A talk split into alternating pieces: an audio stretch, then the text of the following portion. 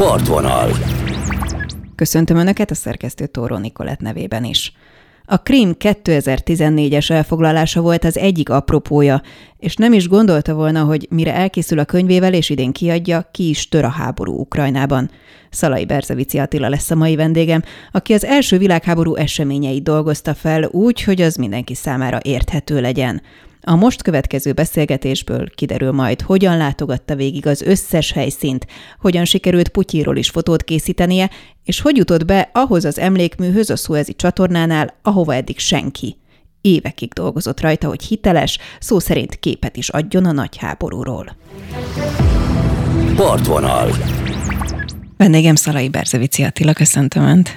Üdvözlöm. Üdvözlöm. Kezemben tartok egy csodálatos könyvet, ami nem csak hatalmas, hanem egyben tele van képekkel. Ez egy album, vagy egy történelmi korlenyomat, egy dokumentumkönyv? Hogyan határoznál meg? Történelemkönyv, ami a szokásosnál mm, gazdagabban van képi anyaggal ábrázolva, meg, meg izgalmassá téve, és közel 700 kép van benne, de a lényeg az, hogy egyikük sem olyan kép, amely 1914 és 18 között készült volna. Hát lehet, hogyha ebből tanultam volna, mint történelemkönyv, akkor, akkor valószínűleg sokkal több minden megmaradt volna a fejünkben a nagy háborúról. A nagy háború száz éves nyomában ez a címe a könyvnek, és amikor ez megjelent idén, akkor körülbelül azzal egy időben egyébként a szomszédunkban kitört egy háború. Mit szólt, amikor ennek a hírét meghallotta? Talán meglepő, de ez már nem döbbentett meg annyira engem, mint amennyire 2014-ben, amikor az oroszok beléptek Ukrajna területére, és egyszer csak elcsatolták a Krimfél-szigetet, az jobban megdöbbentett, és pont azért, mert addig a pillanatig azt gondoltam valóban, hogy a második világháborút követően és főleg az els, a hidegháború lezárása után már nem lesz háború Európában, és ennek egy egy egyszerű közgazdasági megközelítése volt. A globalizáció és a vállalatoknak a határokon átnyúló akvizíciós mennyisége olyan szintet ért el, amely azt gondoltam, hogy lehetetlenné tesz, vagyis senk, egyetlen nemzetnek sem tesz jót az, ha háborúba megy, mert többet veszt rajta, még ha meg is nyeri azt a háborút. És magam egy évi két-háromszor Oroszországban voltam a munkám miatt az elmúlt 25 évben, tehát valóban azt gondoltam, hogy Oroszország végre feladta a történelmi imperialista dogmáit és, és megközelítését a világhoz, és integrálódott a nyugati civilizációba, és élvezi a kapitalizmust, a, a szabad piacot, és az, hogy a pénzért felvásárolhatja London, meg New Yorkot. Úgyhogy 14-ben, mikor ez az esemény történt, ez volt a fő inspiráció számomra, hogy ezt a könyvet elindítsam. Ugye ez az év egybeesett az iszlám állam felemelkedésével, ami turbulensé tette a középkeletet, ahol én hat évet töltöttem a gyerekkoromban, tehát még érzékenyebb voltam az iraki és szíriai hírekre, és ez az év egybeesett a, az első világháború centenáriumának a kezdetével. 2014. júniusában ugye Szarajevóban kezdődtek az események, és akkor még csak így érdeklődő voltam. Aztán amikor elmentem az, az első eseményekre, akkor rájöttem, hogy nagyon fotogén dolgok ezek, és, és mindez, ami a világban van, és természetesen 14 nyarától év végéig minden egyes centenáriumi megemlékezésen, ami a nyugati fronton volt, vagy, vagy bárhol a világban, az ugye jelen voltak államfők, kormányfők, királyok, és mindenki a, az ukrajnai agressziót adresszálta emlékeztetőnek. És ez magam is megijesztett annyira, hogy ha képesek vagyunk visszatérni a múlthoz, tehát ilyen agressziókhoz, akkor nem kizárható egy harmadik világháború sem. Úgyhogy a könyvemnek az apropója pont az volt, hogy vegyük elő az első világháborút, és, és tanuljunk azokból a hibákból, amit az ük szüleink meg a dédszüleink elkövettek. Egészen ez a hideg, ahogy erről beszél, hiszen 14-ben kvázi akkor az egyik ihlető pontja a krím elfoglalása volt a könyv megírásnak, és mire befejezte és a könyvesboltokba került, addigra pedig már mindenki számára egyértelműen egy háború tört ki, ugyanennek a konfliktusnak a kvázi következményeként a szomszédban, mint hogyha keretbe foglalta volna a történelem ezt a történelem könyvet. Igen, és uh, sajnálatos módon, szóval ezt uh, ezt ne, azt azért nem gondoltam volna, hogy ennyire pontos lesz az időzítés, hogy a oroszoknak felkészülni pont annyi lesz, mint nekem elkészíteni ezt a könyvet.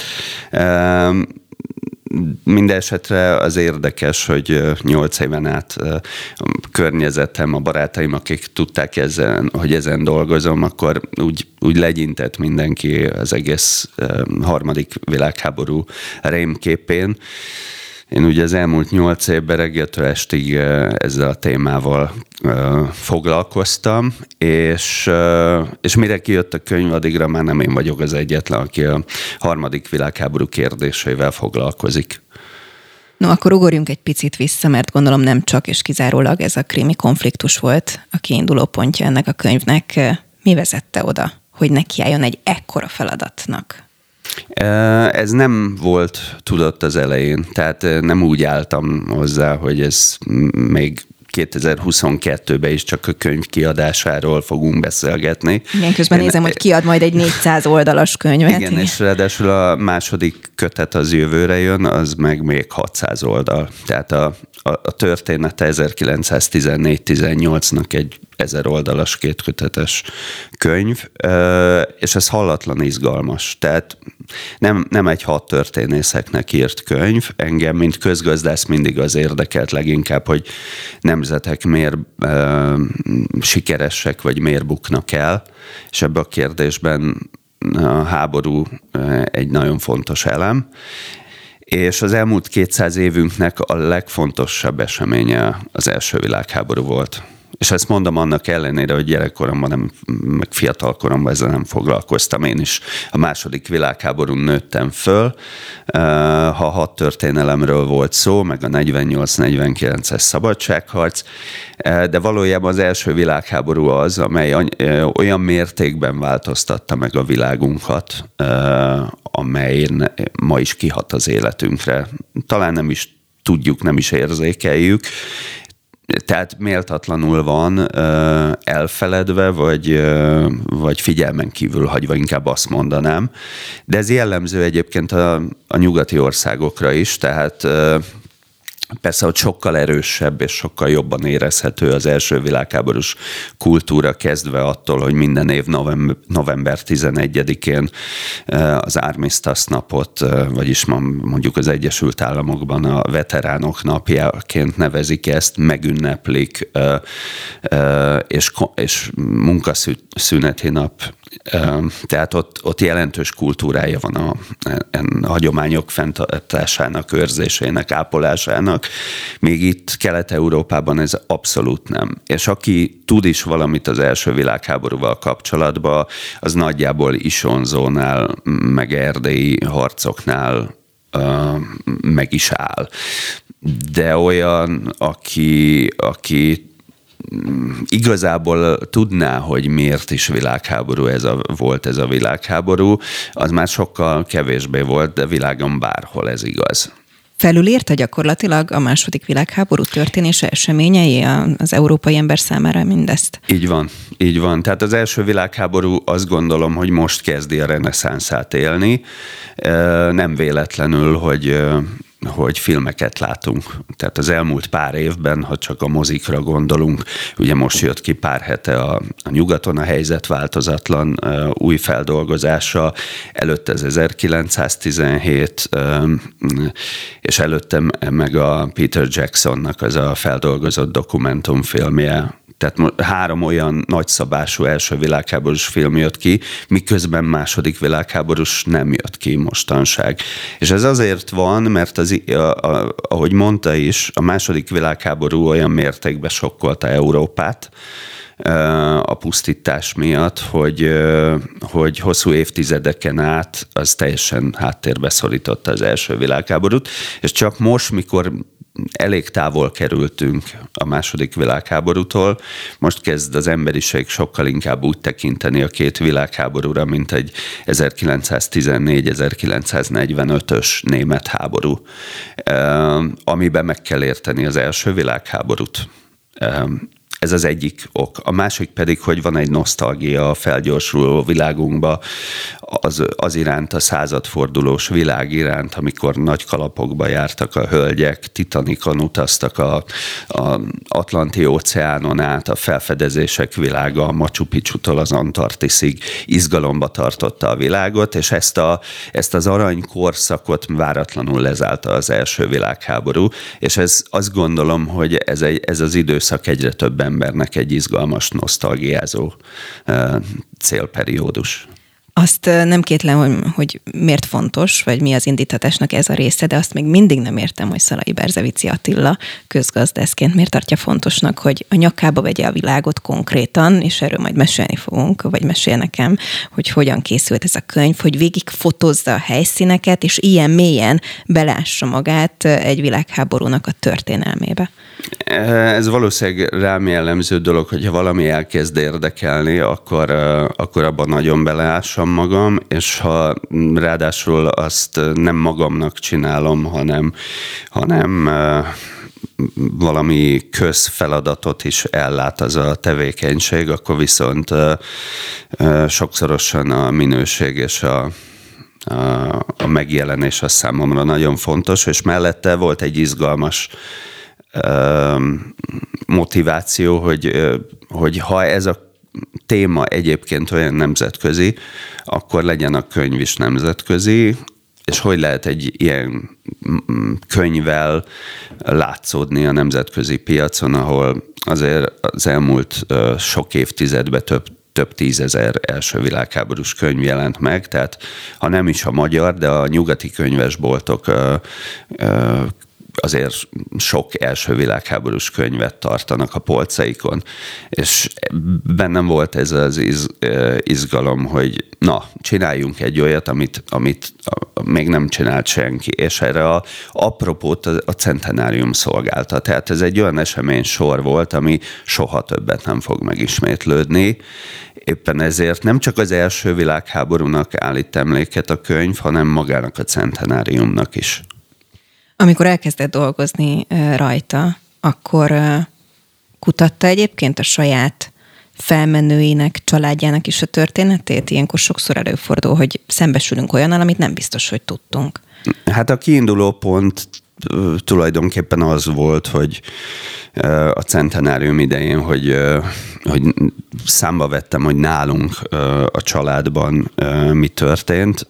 Igazából számot tevő személyiség az az, az ükapám a testvére volt, aki, aki 14-től 18-ig végig harcolt a, a lovas egységek parancsnokaként egyre magasabb fokozatba az orosz, a román és a, az olasz frontot, és aztán mikor a háború véget ért, és ugye az osztrák-magyar monarchia szétesett, aztán jött a vörös terror, és annak a leverése és a Magyar Honvédség újra szervezésébe a Horti Miklós neki adta a főszerepet. Berzevici Béláról van szó, és ő lett a haderőparancsnok a haláláig, tehát 1920-tól 22-ig. Úgyhogy volt egy jeles Berzevici az első világháborúban, az ükapám pedig, mint a Magyar Tudományos Akadémia elnöke, barátja volt Tisza Istvánnak, és nagyon lojális Ferenc Józsefhez. Éppen ezért ő végtelenül ellenezte a hadüzenetet Szerbiának. Azt gondolván, hogy már 14-ben, hogy ezt a háborút ez a háború, ez könnyen világháborúvá eszkalálódhat, és azt viszont nem fogja túlélni a monarchia, ami szerintem Magyarországnak nem volt érdeke.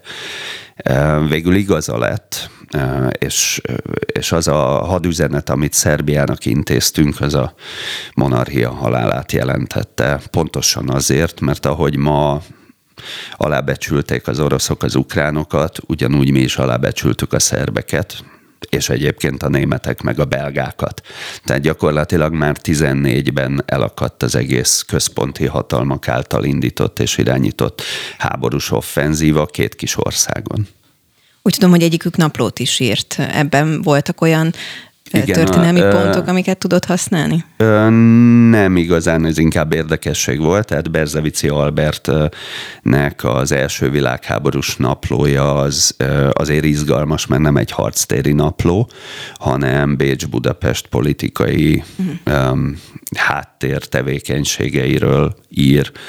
Um, tehát egy háttérország képet ad arról, hogy mi folyik az első világháborúba egészen Trianonig, eh, amikor a Berzevice, ahonnan származunk, az, az ott maradt Szlovákiába, és egyik napról a másikra nem volt Magyarország része. Tehát ez a családunkban egy kifejezett tragédia volt az 1920. június 4-i esemény és ma Brezovicaként eh, van beregisztrálva, és Eperés közelében van ez a település.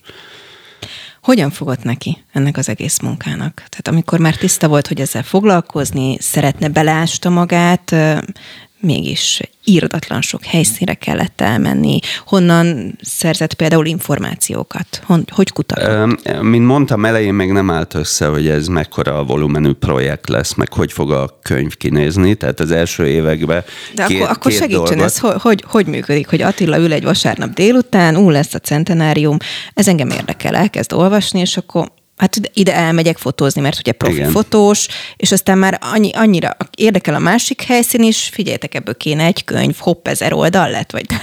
Hát körülbelül így egyébként, tehát 1910, vagy bocsánat, 2014 júniusa és, és mondjuk ö, októbere között ez azt gondoltam, hogy ebből egy kisebb albumot csinálok, uh-huh. ami ki lesz adva még a Centenárium idején 16-17-be.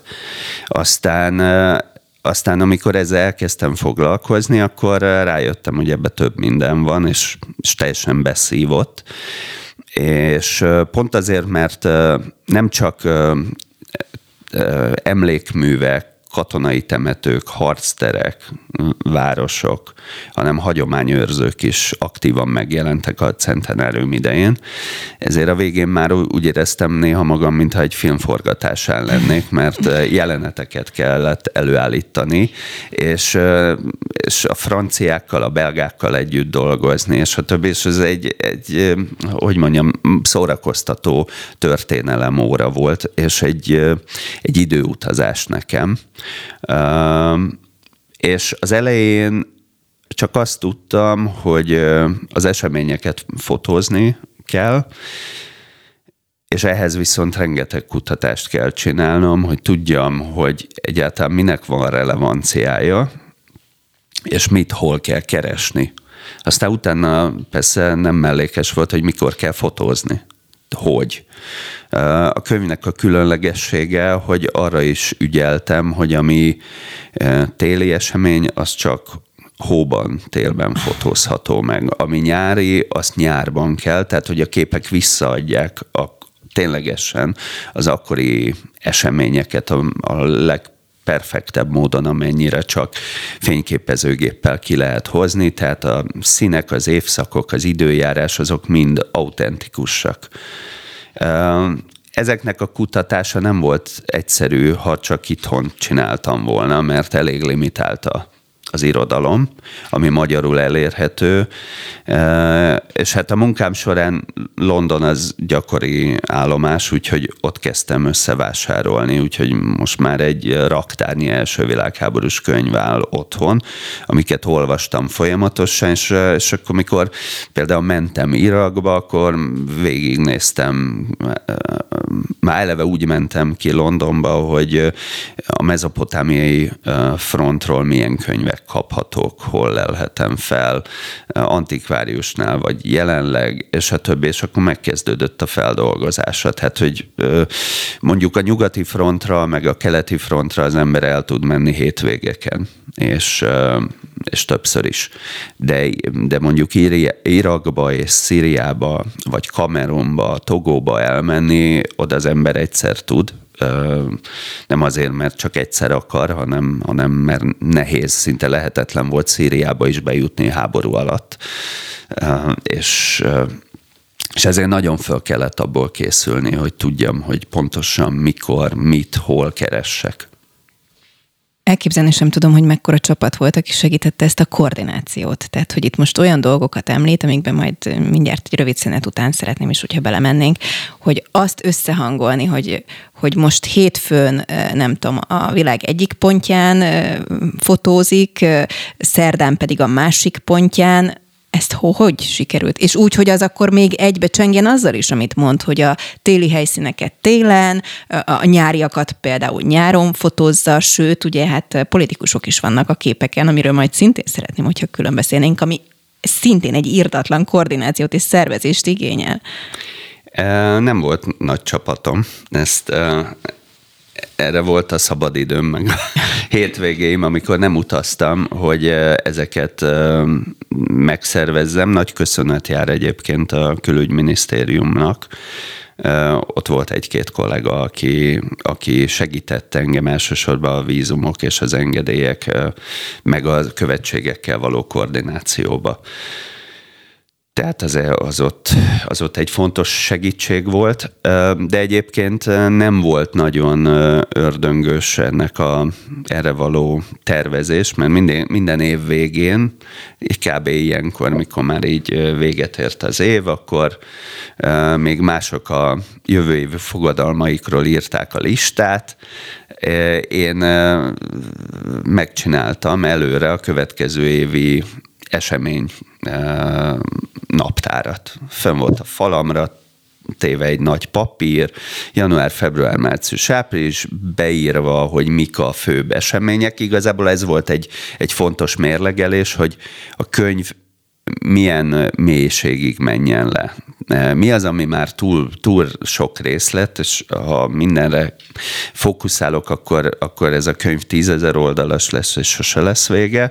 Tehát mi az, ami fontos, okvetlenül legyen benne, és mi az, ami kevésbé. És akkor föl volt egy nagyon szisztematikusan nekem így több évre, ugye hát háború mm, mm, adta magát, hogy mikor mi volt, és utána az volt a kérdés, mikor így, így láttam egészbe a előttem álló következő évet, hogy, hogy a külföldön, tehát a nekem a fő segítség az a, különböző országokban levő barátaim voltak, mint fotós, történész, hagyományőrzők, és a többi, szóval lassan egy komoly hálózat épült ki körülöttem, akiket mindig hívtam, e-mail, és ők megküldték az információkat.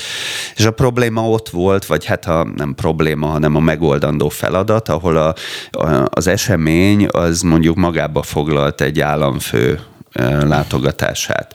És akkor viszont akkreditációt kellett szerezni, eljutni oda, és a többi, és az volt mindig munkásabb. No, innen folytatjuk egy nagyon rövid szünet után, hogy kiket és hogyan sikerült még lencse végre kapni. Partvonal. Folytatjuk a beszélgetést Szalai Berzevici Attilával és ugye a könyvről beszélgetünk, egy albumról, egy történelemkönyvről, amelyet, eh, ahogy fogalmazott ő, a nagyháború száz éves nyomában, és arról már beszéltünk, hogy körülbelül honnan indult, vagy miért volt ön számára fontos ez a könyv. Ott fejeztük be a rövid szünet előtt, hogy hát voltak olyan pontok, ahol bizony mondjuk politikusokat, vagy államfőket szeretett volna eh, megörökíteni, vagy fotózni, ami azért nyilván egy külön, külön műfaj, hogy akreditálni kell, elérni azt, hogy neki fontos legyen, hogy egy ilyen magyar ö, szerzeményű könyvben szerepeljen, sőt, számomra ugye az egyik legmeglepőbb, hogy még Erzsébet királynőt is tudta fotózni egy pipacs mezőn. Ennek mi a története? Számba vettem, hogy egyáltalán kik lennének, kik szükségesek a könyvbe ahhoz, hogy egy jó korképet adjak. Tehát miközben az első világháborút meséli a könyv, ugyanakkor pedig egy korkép centenárium alkalmával, hogy kik vezették az egykor háborúzó nagy nemzeteket. Arra ügyeltem, hogy mindenki első világháborús környezetben legyen lefotózva, és hát valamikor tudtam róla, valamikor meg megdöbbentem, egyszer csak benne találtam magam a helyzetbe. Tehát mondjuk egy Erzsébet királynőnél, vagy egy Donald Trump elnöknél, vagy Vladimir Putyin fotózásakor nyilván nekem sokkal Putyint előrébb. hogy? Meg külön. sokkal, sokkal előbb megkezd, elkezd el kellett kezdenem a felkészülést, hogy oda eljussak, és hát nemzetbiztonsági csekken minden át kellett esnem. De volt olyan esemény, ahol ott szembesültem, hogy itt van Emmanuel Macron, egy kis portugáliai harci eseménynek az évfordulóján.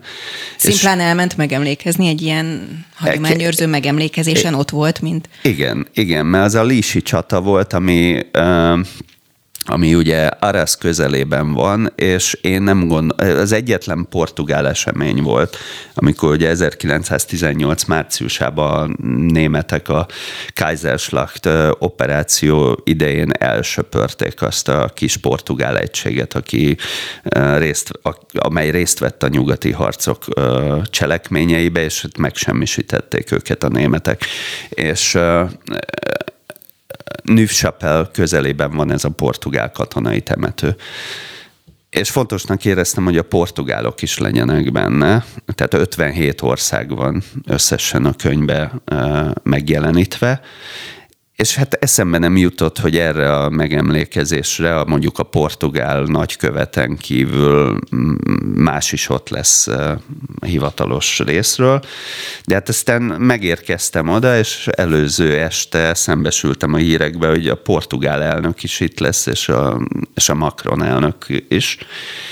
És akkor úgy kellett oda mennem, hogy ki kellett vágnom magam, mert tudtam, hogy nem lehet a francia elnök közelébe bejutni, csak úgy de végül szerencsém volt, hogy a portugálokról volt szó, és ők, ők kicsit lazábbak, és végül sikerült magyaros, magyarosan, okosba megoldani a dolgokat, és végül ott, ott fotóztam egy méterre a francia elnöktől. De ez, ez, hogy mondjam, ez a kivétel, ami erősíti a szabályt. Ezt még egyszer sikerült megcsinálnom a Passendéli megemlékezésen, ahol viszont Károly herceg volt ott, és arra se volt engedélyem, de végül az sikerült bejutnom.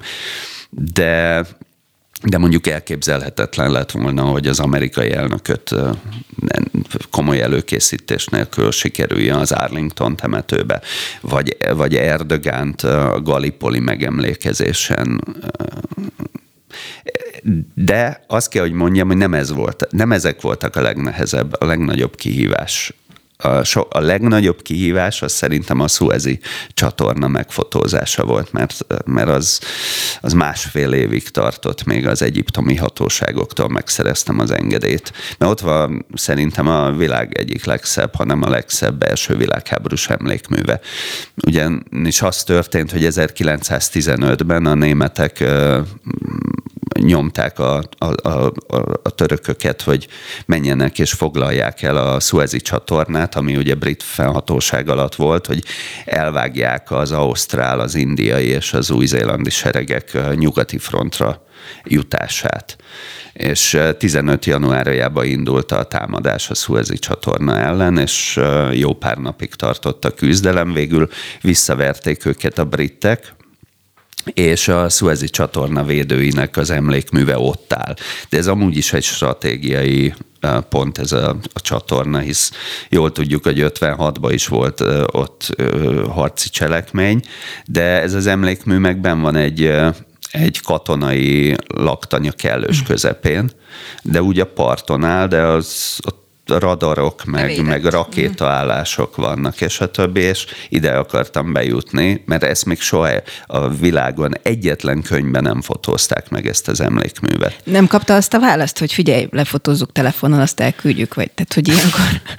Nem, még az sem. Miért akarsz te bejönni? Ezt, ezt nem lehet. Úgyhogy ebben még a külügyminisztérium is magamra hagyott, mert mondták, hogy ez lehetetlen elintézni. És elkezdtem szisztematikusan nyakokra járni az egyiptomi nagykövetségnek itt Budapesten, amíg, amíg, amíg valahogy végül annyi anyagot küldtem nekik a tervekről, szándékokról, ahogy valahogy végül egyszer csak, mikor már én is feladtam, jött a jelzés, hogy megkaptam Kairóból az engedélyt. Egy hasonló probléma volt Szíria. Tehát az első világháború történetét elmondani, de kihagyni Szíriát, az, az, nem, az nem jó. Tehát nagyon fontos szerepe volt, mert a közel-keleti harcok végül is Damaszkuszért folytak, és Ráadásul Aleppóba végződtek. Úgyhogy nekem el kellett menni a szétlőtt Aleppóba is, meg egyébként a mezopotámiai front pedig Moszulba zárult, tehát a, miután az iszlám állam ki lett e, söpörve onnan, egyből mentem oda.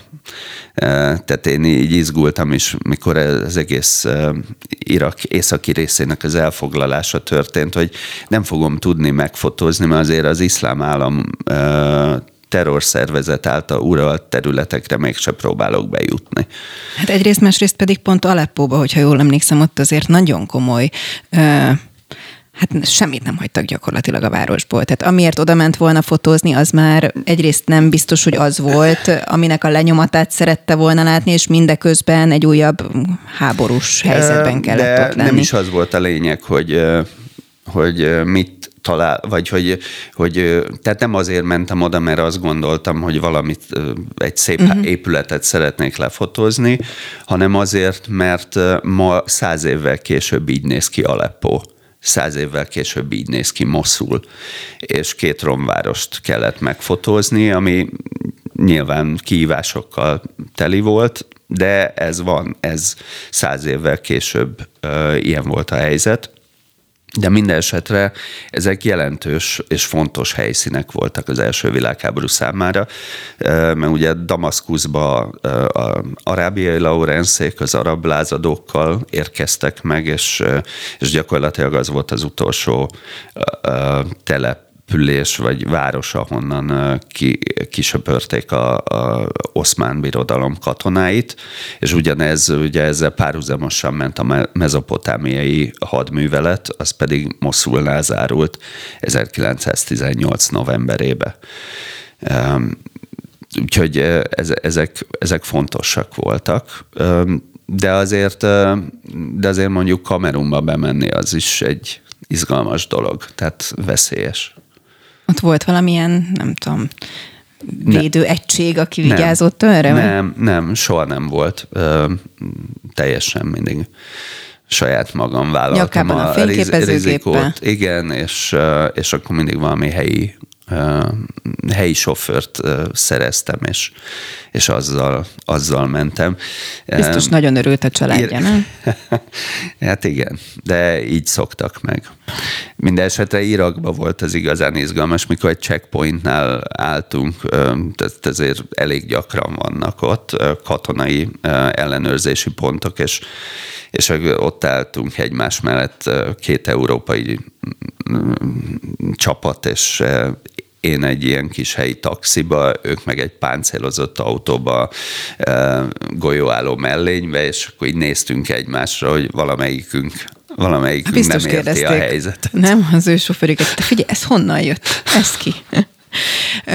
Ígérem, hogy még mindjárt tovább fejtjük a történelmi részét is, de anélkül biztos, hogy nem engedem el, hogy nem mondja el, hogy jó, jó, de Erzsébet királynő mit keresett egy pipacsmezőn, és Putyint hogy tudta lefotózni. Erzsébet királynő a a brit, britek hadba lépésének a századik évfordulója alkalmából látogatott el a Towershez Londonba, ami a centenárium idején ki volt, ki volt rakva annyi kerámia pipacs, amennyi angol katona, vagy brit katona meghalt. Tehát a 680 ezer vörös kerámia pipacs volt ott a vizes árokba berakva a Towersnél. És az egy, az egy elképesztő környezet, jelenet, és tehát megható történet volt. A, a Putyin pedig nem teljesen első világháborús esemény kapcsán, mert az az egy, amin ő részt vett, az a moszkvai első világháborús emlékmű avatása, arról nem volt tudomásom, hogy ez akkor még nagyon korán volt, 14. augusztusában. És aztán viszont már régi gyerekkori vágyam volt, hogy egyszer részt vessek a Vörös téren a felvonuláson. Úgyhogy 2015-ben ami ugye egybeesett a gorlicei áttöréssel, 15 májusába, és ráadásul akkor volt a, a, a világháború 70. évfordulójának a, az ünnepsége ott a Vörös téren. Én elhatároztam, hogy ott szeretnék lenni. És, és dolgoztam rajta a diplomáciai kapcsolatokon keresztül, és végül megkaptam az akkreditációt, és, és ott tudtam lenni. De ez még önmagában nem jelenti azt, hogy valaki le tudja az orosz elnököt fotózni, mert egyébként a fotósok állnak valahol, ez a tér az egy hatalmas, és a Putyinék meg a Lenini mauzóleumnál eh, állnak, és a közelükben nem lehetett menni.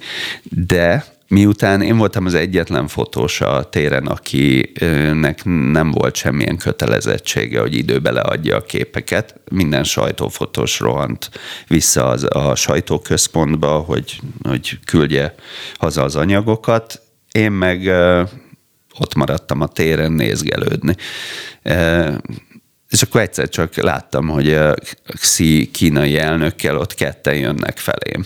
És akkor és akkor még zavart is, hogy a kínai elnök ne legyen a képen, mert az, az, az, az ott nem kell. Hát az álmos könyv szerint olyan jót jelent, nem? Elnézést a kínai elnököt arrébb tolnák egy igen, kicsit, köszi. Igen, és akkor nem tudtam, hogy ki az a katonatiszt mellette, de úgy sikerült megfotoznom, hogy a katonatiszt meg a Putyin végül egy képen. Nagyon szeretem azt a képet, csak idén jöttem rá, amikor a könyvnek ezt a részét véglegesítettük, hogy, és ugye most már híresek az orosz tábornokok, hogy ez a Sojgu védelmi miniszter. Mert most már annyit wow. látom a uh-huh. Ukrajna kapcsán, hogy és láttam a képen, hogy ez ő tényleg. Úgyhogy így még értékesebb lesz ez a kép, és ez a kép majd a második kötetben a bolsevik forradalom fejezetéhez fog kerülni, ahol a Oroszországba készült képek portfóliója fog megjelenni bejárta a világot, és részt vett ugye akarva akaratlanul is számtalan megemlékezésen, és onnan indultunk, hogy igazából ez az első világháborús korszak egy ilyen kicsit méltatlanul, hát ha nem is elfeledett, de kevésbé fontos számunkra, Európa számára például, mint a második világháború. Mit tapasztalt a megemlékezések kapcsán? Ország specifikus, hogy ki mennyire tartja fontosnak, és hogyan emlékszik meg, vagy, vagy körülbelül az, ami mondjuk az jellemzően felnőttünk, hogy jó van, egy megemlékezés, kimegyünk, zászlót lengetünk, tapsolunk, koszorúzunk, és akkor vége.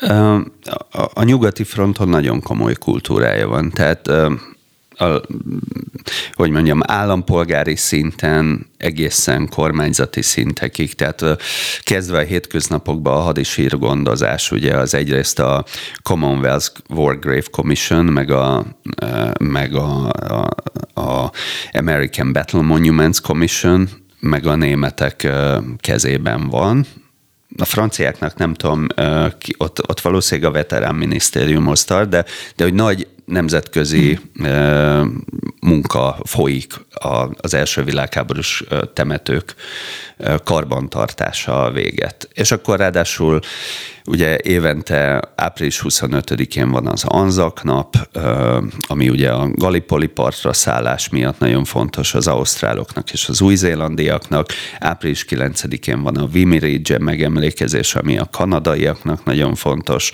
Július 1 a ZOM, ami az angoloknak, és november 11 az Armistice nap, ami minden. Tehát négy olyan dátum van, amikor amikor események, turisták, és ráadásul Ausztrália, Kanada és, a, és Nagy-Britannia tömegével küldi a diákokat tehát náluk ez program, hogy ott legyenek ezek a megemlékezéseken az iskolásai. És főleg ugye hát mindhárom Kanada, Ausztrália, Új-Zéland az első világháború az köti a nemzetté válását, a függetlenedését, ahol magára talált, és és ez, ez nagyon fontos. A britek meg egyszerűen olyan mennyiségű embert vesztettek az első világháborúban, ami máig meghatározó számukra többet vesztettek, mint a második világháborúban. A franciákról meg ne is beszéljünk, tehát több millió francia katona esett el. Úgyhogy ott nagyon-nagyon élénk, és egész évben, minden évben folyamatosan vannak események. Az olaszok szintén nagyon aktívak, ugye volt olasz frontokon, főleg a Cortina közelében, meg, meg a Trento környékén, és aztán megérkezünk a két másik európai hadszintérhez, Szalonikához és, és a keleti frontra, és ott, ott meg nincs semmi. És ennek az oka az, hogy még nyugaton és olasz, az, a nyugati fronton és az olasz fronton ezek a frontvonalak a győztes országok területén vannak. Addig ugye a Szalonika front az ott van Macedónia és Görögország között, amelyeknek a területén a német, bolgár és az antant seregek harcoltak, tehát igazából egyiké sem nem érzik magukénak ezeket az eseményeket. És a keleti fronton pedig ugye kezdődött azzal, hogy a Szovjetunió ezt nagyjából kiirtotta az első világháború meg emlékezetét a, az emberek tudatából, mert egyszerűen azt egy szári rossz háborúnak tekintették. Tehát felszámolták a katonasírokat, nem voltak emlékművek, és a többi. Tehát van, van egy Szovjetunió hatás, ami ellenséges volt. Ezt egyébként a Putyinék hozták vissza az orosz köztudatba, akik viszont a bolsevikokat tartották a oroszok meggyengítőjének, és, és, és a, a Putyin gondolkodása az volt, hogy hogy kéne a mauzólemból kiszedni a Lenint, és, és második Miklós cár emlékét visszahozni a köztudatba. De emellett a másik probléma az, hogy ugye az osztrák-magyar monarchia szétesésével, tehát hogy a magyarok, az osztrákok és a németek itt vesztes oldalt képviseltek, nem igazából van mit, és, és igazából nem is tudunk mit kezdeni. Főleg a németek komoly gondokkal küzdenek, hogy feldolgozzák, meg a más, ők, ők teljesen leragadtak a második világháborúnál, és az első világháborúra semmilyen választ nem tudnak adni. És a számomra a legmegdöbbentőbb, hogyha valahol elképesztő kicsi a tudás az első világháborúval kapcsolatban, az Ausztria és Németország én ugye kint dolgoztam nyolc évig Ausztriába, az átlag ember semmit nem tud arról, hogy mi történt. Tehát van egy, egy tudatos elhallgatása az eseményeknek a történelem oktatásukban, ami számomra megdöbbentő és elfogadhatatlan, mert ez egyfajta történelem hamisítás, amit ők csinálnak. Éppen ezért nem volt semmiféle centenárium ott. Ugye azért Magyarországon is nagyjából trianon fókuszú ez az első mm. világháború kérdése. Néhány történelem iránt fokozottan érdeklő ember még tudja az isonzói eseményeket, meg valamit Galiciáról, meg Erdélyről, de úgy, úgy nem érezhető, hogy, hogy tudunk mit kezdeni, vagy helyén tudnánk ezt, ezt kezelni, hogy mi volt egyébként Trianon előtt. Mert Magyarországot ez igaz, igaz, hogy elvesztettünk 600 ezer katonát, de minket az igazi trauma nem a harctéren ért, hanem mikor már kitört a béke. Úgyhogy mi egy különleges helyzetben vagyunk. A lengyelek területén ugye a németek és az, az oroszok harcoltak, meg az osztrák-magyarok, és ők részt vettek mindhárom oldalon, de nem a lengyelek háborúja volt, a csehek ugye végig a monarchiától való elszakadást látták ebben a dologban. Ukrajna, Belorusszia területe az harctér volt, és igazából összesen két igazi nyerő nemzet van itt keleten, az a románok és a szerbek. És ott vannak megemlékezések, de, de azt sem lehet azt mondani, hogy összehasonlítani ható lenne bármilyen módon Nyugat-Európával. És akkor a többi kontinensen meg nincs semmi.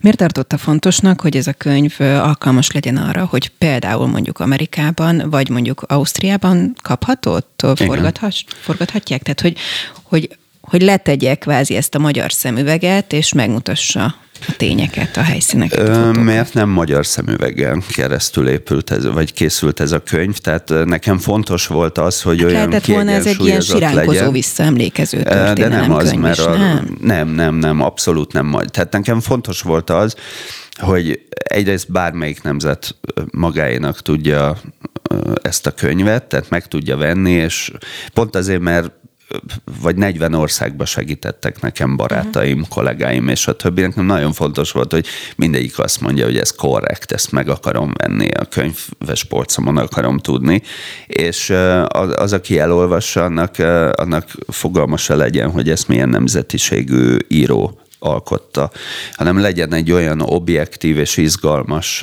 olvasmány, amiben az értékelést meg a minősítést az olvasóra hagyom.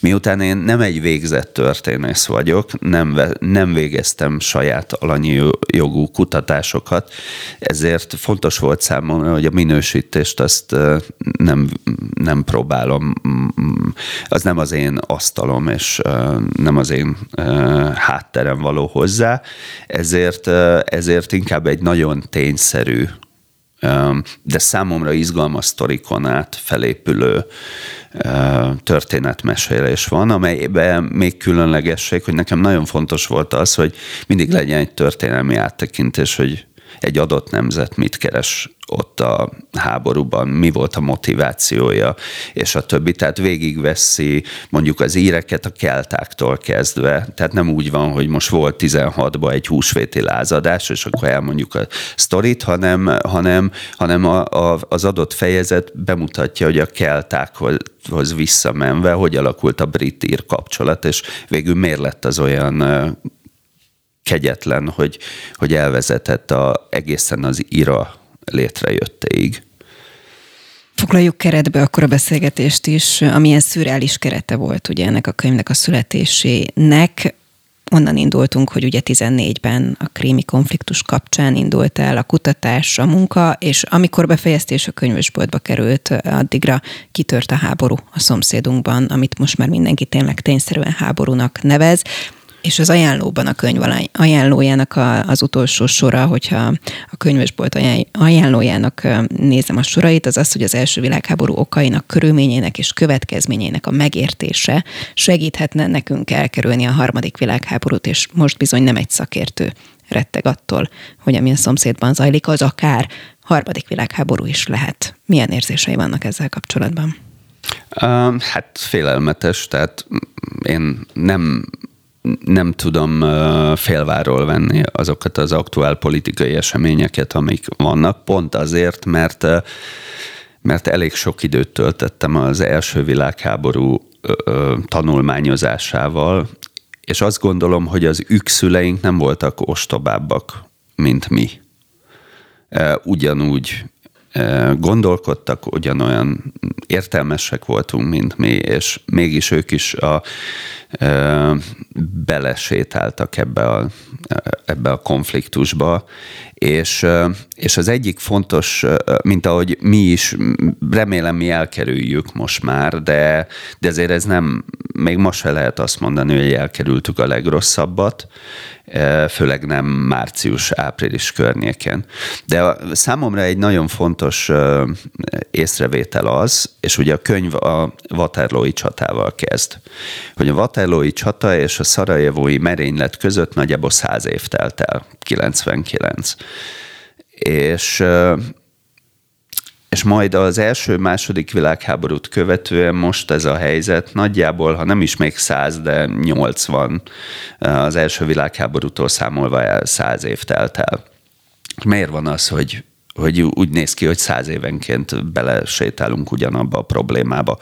És azt gondolom, hogy körülbelül 60-70 év kell ahhoz, hogy az utolsó generáció is elmenjen, az, távozzon az élők sorából, akik valamilyen módon tapasztalták a, az európai háborút.